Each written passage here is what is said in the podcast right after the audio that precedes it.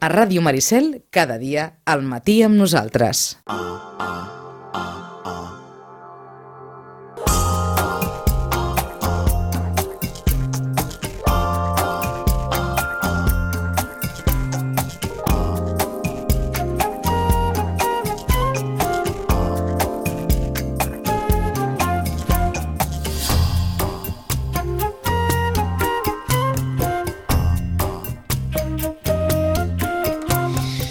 una setmana era Sant Jordi. Sembla com si fos ahir. Doncs ja ha passat una setmana, eh, el, el sufler ha baixat, els llibreters respiren, perquè entre altres coses, bé, ara a veure si la Rosana també ens ho pot eh, confirmar, però l'altra notícia associada a la del rànquing dels llibres més venuts és que les vendes per Sant Jordi van créixer un 5%. En la diada es van facturar 19,3 milions d'euros i es va vendre més del 50% de llibres en català i en total es van despatxar 1,6 milions de llibres. Ho publicava el diari Ara fa ben poc i des del Gremi d'Editors han celebrat aquestes xifres però han advertit de la difícil situació que continua patint el sector, que el brindis no sigui un brindis al sol. Bé, doncs comencem per Sant Jordi. Rosana Lluc, bon dia i bona hora. Bon dia. Què? Uh, comencem per Sant Jordi. Comencem per Sant Jordi, un Sant Jordi més, dels Sí. no sé quants que deu portar a l'esquena la Rosana, Molt. a l'esquena, a l'ànima, a, a, a tot, eh? Però, de fet, ha sigut un Sant Jordi, jo l'he trobat diferent. En quin sentit? Uh, bé, perquè veníem de, de Setmana Santa, tots teníem molta por, tots els llibreters tenien molta por de que, clar, era massa, massa junt amb Setmana Santa i ja sabem que una cosa i l'altra no casen gaire, Mm, també, si en recordes, vull dir, estàvem que si plovia, que si no plovia, finalment van dir no, no plourà, Mhm. llavors ja... I va fer un dia, respiràvem, i eh? va fer un dia sensacional. I va fer un dia sensacional, ens agrada estar al carrer i això es va notar, eh? es va notar que ens agrada estar al carrer i va ser un dia, jo el vaig trobar diferent perquè sí que és cert que va anar millor del que esperàvem Mhm. i això del 5%, si contem els dos dies sí, si contem el 22 i 23, jo si conto el 23, la veritat és que els, aquest 5 no l'he vist, però bé, de, de tota manera és això, no? que potser, saps què passa? Quan fan aquestes dades, mm, normalment, eh, clar, hi ha gent que comença el Sant Jordi una mica abans i tot Ah, això, eh? mhm. Però vaja, I també, i, I també suposo que deu haver tantes ganes mm, de dir coses bones, sí, o mínimament bones, que per Sí. poc que sigui aquest percentatge, sigui un Sí, 5, sí, sigui un la 4, veritat sigui és un que- 3, sigui un 2, és igual. El És cas és que igual. Sí, algú és pugui això, dir que és va, igual, eh? que va una mica millor, eh? sí, mm. com a mínim aquest dia. Sí. El que sí és que és cert que és aquest dia. Mm. Això és el que hem de, de dir. I per això tots estem una mica, a veure, així, no? Que no ens movem gaire, perquè diem, sí, sí, aquest dia, eh? O sigui que la frase del Gremi d'Editors no és equivocada, que el brindis no sigui un brindis al sol, Sí, perquè el sector continua patint una situació molt difícil. molt difícil. Molt difícil. molt difícil, i vull dir, amb tu hem parlat de que Mhm. sí, sí, estan sortint llibreries noves, però és clar, són llibreries molt petitones, eh? llibreries que estan fent un nicho, que estan cobrint un nicho diferent, però que clar, no és allò que, saps, que vull dir, que donem feina a molta gent, Mhm. tot això encara no ho hem vist, eh? És clar, nosaltres ens va cridar l'atenció, entre altres coses, perquè durant aquests darrers dies eh, Amazon Espanya va publicar aquella estadística de les poblacions de Catalunya que més llibres havien encarregat al portal i Sitges era la població que més llibres havia comprat comprat, després està per veure si es llegeixen, però comprats a Amazon. Però mm, no hi havia forma de trobar en aquella estadística el nombre de llibres perquè no ho publicava, només deia precisament que érem la població que n'havia comprat més, però no, no estava quantificat eh, aquest nombre de llibres i fins a quin punt eh, té una significació o no aquesta estadística respecte doncs, eh, doncs la venda de llibres a través de, de llibreries, de llibreries físiques, i si el, el percentatge comparatiu ha anat augmentant o continua més o menys en una igualtat de condicions o no. Sí, però com que els, els llibreters nord-americans sempre s'han queixat del mateix, que totes les estadístiques que donen Amazon no es poden contrastar amb res. A D'acord, Perquè no hi ha clar. dades, és a dir, sí, va, diuen, doncs, hem vengut mm, un 3% més, i dic, bueno... Eh, En base a quan? què? Uh -huh. De quan? Uh, un milió de llibres, de quants diners estem parlant? Perquè el millor són, eh, saps, allò físics o no Mhm. físics? eh, de què estem parlant? Sí, sí. Eh? És Doncs- deixar, és deixar un titular a l'aire, Sí, però, sí, però sí, sí. esclar, Sitges és la població de Catalunya que més llibres ha comprat, però no sabem quants ha comprat. Exacte. Mm, bueno, Mm. i, i si són, saps, també a tots ens interessa si, si qui els ha comprat és més població anglesa que està Sí. vivint aquí, ens interessaria, Mhm. doncs, tirar Bé, més el- endavant, però és ara- evident que no podrem. En aquest cas, el llibre, el llibre més comprat, o el llibre més venut, ha estat l'edició anglesa d'un llibre, precisament, eh? En, en el cas de Sitges, concretament. Sí? Sí, No, no, això ja, sí, no, sí. ja, no... La notícia que vaig llegir ja no hi era, això. Ah doncs la- l'edició anglesa d'un eh, llibre que va escriure un psiquiatre austríac que havia passat per Auschwitz i després va, va escriure aquesta, aquesta vivència a partir de, també d'una teoria personal, diguem-ne, molt relacionada amb, amb allò que en diuen ara la resiliència i el, i el positivisme davant de la vida. Doncs aquest, la versió anglesa d'aquest llibre, escrit al 40 i escaig, eh, és hores d'ara el llibre més comprat a Sitges a través del, del portal Amazon. O sigui que també crida bastant l'atenció eh, aquesta, aquesta dada concreta, no? Sí, En- encara més. Encara més, eh? Quan saps una dada així, encara més crida l'atenció. Ah eh? En qualsevol cas, les vendes s'han mantingut, ha estat un bon Sant Jordi. Ha estat un bon Sant Jordi. Mm -hmm. I fins i tot jo diria que pe- pels llibreters, no sé què diuen els altres, perquè ara també tots anem una mica atabalats, eh? perquè tenim llibres per tot arreu, no Mhm. sabem què fer, de tantes piles, etc. però eh, per nosaltres, tret, tret de que, si recordes, mm, Gabriel García Márquez va morir just abans de Sant Jordi, Sí, per tant, tots els mitjans de comunicació se'n van fer ressò i aquell dia tothom buscava 100 anys de soledat, mm. eh? que va ser el llibre més buscat, sí. diguéssim. I recordem, Que- i, i per qui no ens hagués escoltat, recordem que qui no hagi llegit mai Gabriel García Márquez, per qui no l'hagi per qui no l'hagi llegit mai, la Rosana té un consell, que és no començar per 100 anys de soledat. No, No començar perquè- per 100 anys de soledat. No, perquè precisament hi havia comentaris aquí de gent que quan sentien 100 anys de soledat l'altre "Pues a mi no em va agradar gens, jo deia, Mhm. home, dona-li una segona oportunitat, però dona una segona oportunitat quan hagis llegit alguna més, no? Mhm. Perquè la gent mateixa de l'un a l'altre s'ho deien, no? Sí que és cert que, esclar, eh, malgrat que es va fer un servei rapidíssim, l'edició que estava programada estava programada per més tard i per tant tots havíem, tant editors com llibreters havien fet una, una previsió molt curta, Mhm. clar, perquè no pensàvem que, que just passés eh, El per que va Sant passar. Jordi. Però, però es va... Hi havia molta demanda de García Márquez? Molt, Molt. molt. Caram. Perquè, perquè clar, mm, si vols... eh, Hi havia gent que deia, "Oh, saps què? Doncs pues aquest vull, Uh -huh. aquest. Clar, mm, Anava va a ser dir- el llibre- l'únic llibre que des del matí vas estar dient, bueno, des de les 12 potser, eh? Sí. vas estar dient, no, no, no, no, va ser l'únic. D'acord. que recordi així com a... També el Jo fui a GB, però a part d'aquest, que va Mhm. ser ja cap al tard, etc. Sí. Vull dir, la resta de llibres va ser un Sant Jordi que no hi ha... Sí que vam... hi haurà la llista dels més venuts, però clar, el que tampoc no diem ningú, eh?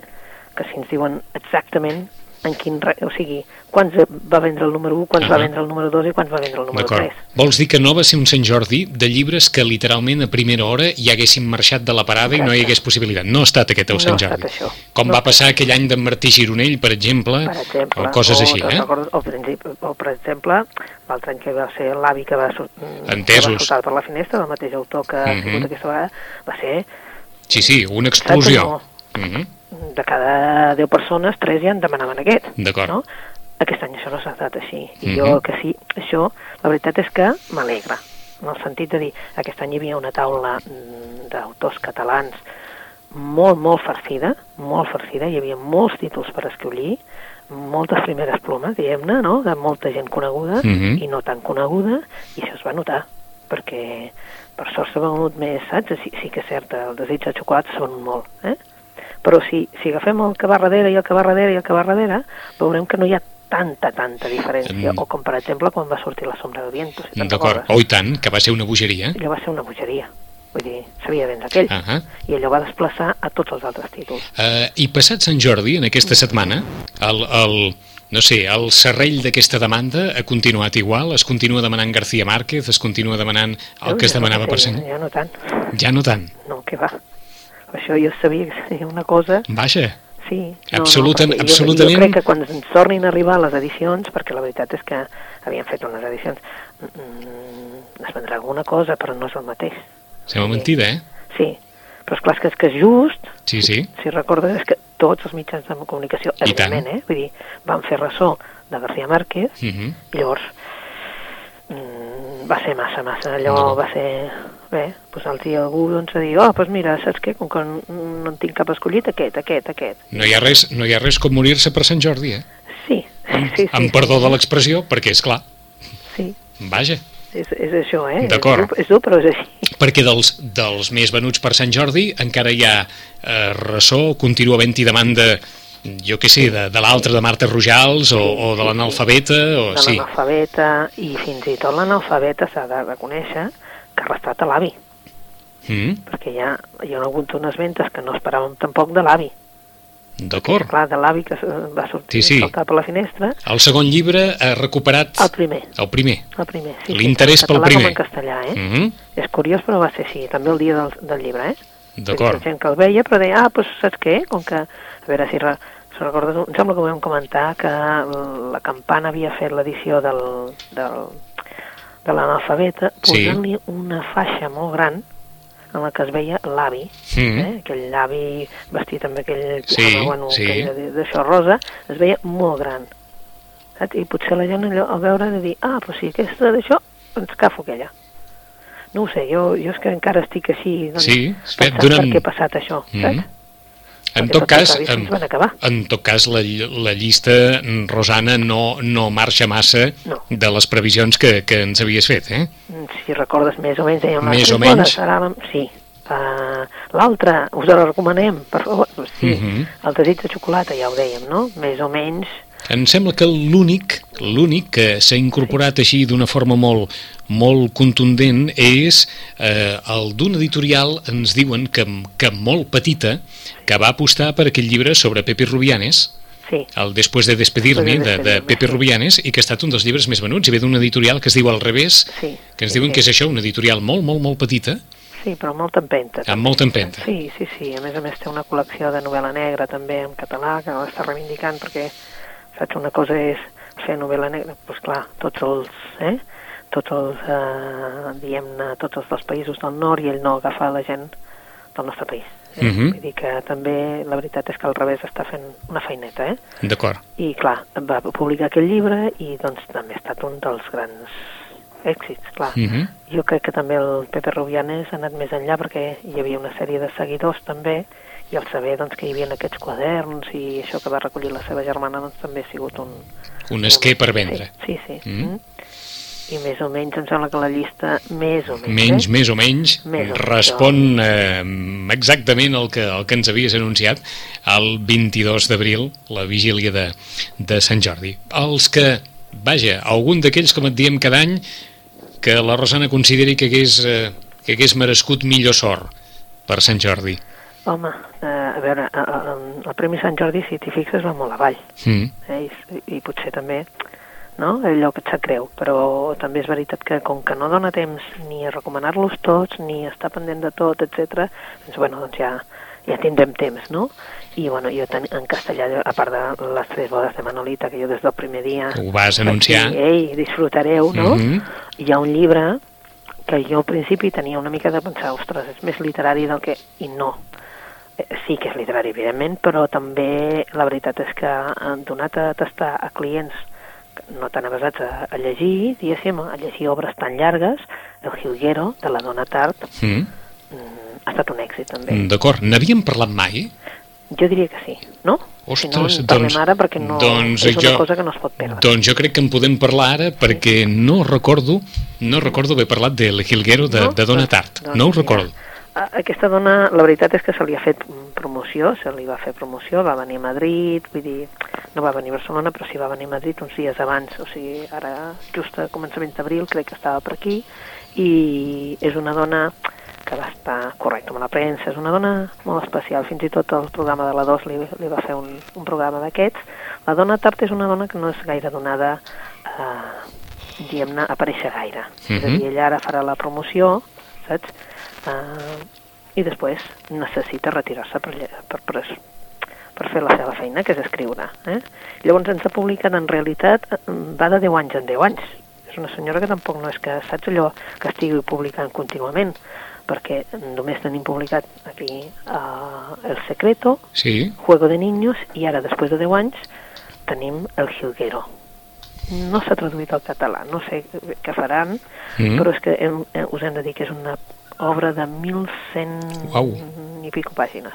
Ara no et sabria dir quantes, eh? Mm -hmm. Però em sembla que ja ha quedat ben clar, Sí, que és una obra magna, eh? sí, en aquest sentit sí, es llegeix, eh, la cosa de lletres, saps allò, està bé, vull dir, no és aquell Mhm. que diguis, uh, això és tipus Bíblia, no ho podré llegir, no. Vull dir, però en definitiva és una obra que, clar, quan veus aquest, aquest volum també la gent espanta una mica, eh? Sí. Però fixeu-vos que la Julia Navarro no espanta i també té, déu nhi eh? 700 i pico de pàgines. Però vaja, uh, el Jilguero és tot una altra cosa. És la és un, una obra que, diguéssim, que és una mica de Dickens, una mica d'una sèrie d'autors com a més eh, Edgar Allan Poe, una mica de, Mhm. de tot eh, plegat, però potser jo diria que és una novel·la en el que tu veus el, la trajectòria d'un nano. Un nano que eh, quan comença la novel·la, eh, al començament, començament no, que ja és, és el que enllaça fins al final, per, el que enllaça el començament i final, o sigui que deixem-ho part del començament, començament, Sí. però des de les primeres planes, diguem trobem un nano mm, que és un adolescent, eh, un adolescent eh, representa que deu tenir uns 13-14 anys, Mhm. um, que l'han expulsat del col·legi i ha de parlar amb la seva mare, ha de parlar amb el director. Uh, és un nano que ha fet un curs uh, més adelantat, és a dir, que és un nano que, que té moltes possibilitats, però evidentment molt popular en l'escola no ho és perquè destaca massa en aquest sentit, no? D'acord, és a dir, un nano massa, no sé si dir, amb, amb una capacitat Amb una capacitat, diguem, superior, superior a la resta Sí, de... de... però vull dir, clar, mm, només apareix la mare, el pare va marxar, Mm. el pare, diguéssim, per sort se'n van desempallegar d'ell, i com que hi ha massa temps perquè han quedat en una hora, doncs entren en un museu. Mm? Mm. Entren al Metropolitan i eh, mentre la mare diu, "Va- vaig a, a buscar d'això, vaig a buscar una postal per no sé què, bueno, vaig a buscar un record, el nen es queda en una sala, la seva mare en una altra, i exploten dues bombes. Mm, Rosana, ja recordo la història. Eh que sí? Sí, senyora. Doncs bé, és una història eh, tan... que, que et va enllaçant d'una cosa a l'altra, d'una cosa a l'altra, d'una cosa a l'altra, que la vas disfrutant tant, i ojo que el nen passa per èpoques d'orelles, eh? Vull dir que ara cap aquí, ara cap allà, i després es va fent adult i es va fent... Però sempre té aquell d'això perquè hi ha un tema de fons i és aquest robatori que ell va fer Mhm. d'un quadre. En aquell moment s'emporta el quadre que la seva mare li havia dit que li agradava. Llavors se l'emporta. I això passa a les primeres i tot això condicionarà molt la seva manera d'actuar, la seva manera de fer, etc perquè, és clar té aquest secret que no pot dir a ningú. I bé, és una novel·la que a mi m'ha encantat, ho haig de reconèixer, i m'hauria agradat que més gent la disfrutés. Ara, clar, també està aquí la feina del llibreter que dius, bueno, també ve maig, ve juny, Sí. i, tal, i jo intentaré doncs, convèncer els lectors de que és una obra per disfrutar-la. Doncs ens agafem, ens agafem d'entrada, no hi ha versió catalana, eh? No hi ha versió És a dir, de catalana, moment no. no hi ha, no hi ha la cadernera. No, No hi és. mira, i la primera vegada em pensava, ai, no em recordo com... En català, saps allò que no em sortia? I Mhm. això que quan érem petits doncs n'havíem tingut de Sí, catalana. eh? sí. Però, clar, en, no em sortia en català A part, a part, que a part sempre serà el, el nom d'un ocell especialment sonor Sí. i, i, i, i fonèticament bonic, eh? Cadernera. Cadernera, doncs, sí. Doncs, més, clar, és, no, és un, un quadre. Eh? Encara, que encara no hi ha la traducció, no sabem si serà o no, però El Jilguero de Dona és Tart difícil, és difícil per això, no? és difícil per, per aquest gruix, sí? Sí, per aquest gruix, eh? Sí. Bé, doncs aquí, aquí ens ficarem precisament amb el mèrit de ser bilingües. Sí. Doncs vinga, El Jilguero, editat per Lumen, de Dona Tart, una de les recomanacions que s'ha incorporat, per dir-ho així, en la llista de llibres més venuts eh, per Sant Jordi. Està darrere de, de la llista de Frederick Forsyth, hi ha El Jilguero, de Dona Tart, davant de, davant de les hores de, en castellà de Victus, d'Amor contra Roma, de Víctor Amela, el periodista Víctor Amela, que també ha tingut un èxit molt, molt important, i La noche soñada, de Màxim Huerta, premiat també aquest llibre, que ha tingut un altre èxit in, important. Vinga, anem a fer un repàs a recomanacions, Rosana, si és que de tot el que va arribar, de tot el que va ploure per Sant Jordi, eh, algun em va quedar pendent o doncs, és que... Eh, els darrers dies, els darrers dies, no sé si, crec que no ho vam poder comentar, va sortir el Bernardo Chaga. Em sembla que no ho vam comentar. No, eh? Perquè, clar, és que va sortir allò, just, just, just, eh, van posar allò, saps, per, per dir, eh, corre, corre, corre, corre, eh? Llavors, el Bernardo Chaga amb Dies de Nevada, eh? Mm, també diem, de moment no hi ha traducció al català, sabem que hi ha, hi ha obres de la Chaga que sí estan traduïdes, aquesta de moment no. Uh, el Dies de Nevada és precisament, doncs, uh, una espècie de...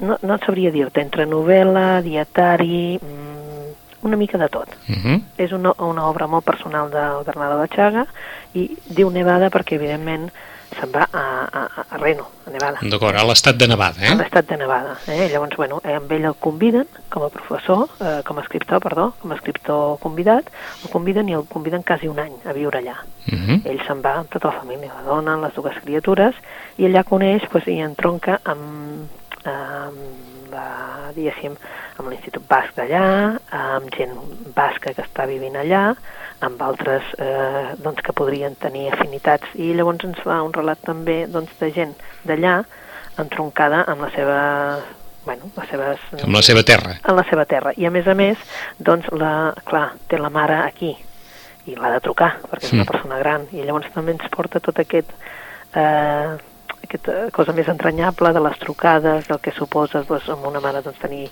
algú tan lluny, no? i la veritat és que són diversos motius que van relacionats amb aquest viatge, però està escrits per la mà de Bernardo Chaga. És un llibre diferent, eh? um, que hi ha, doncs, hi ha unes, moltes situacions molt variades i clar, el lector es va trobant, saps, de, de, mm, moltes sorpreses. Uh -huh.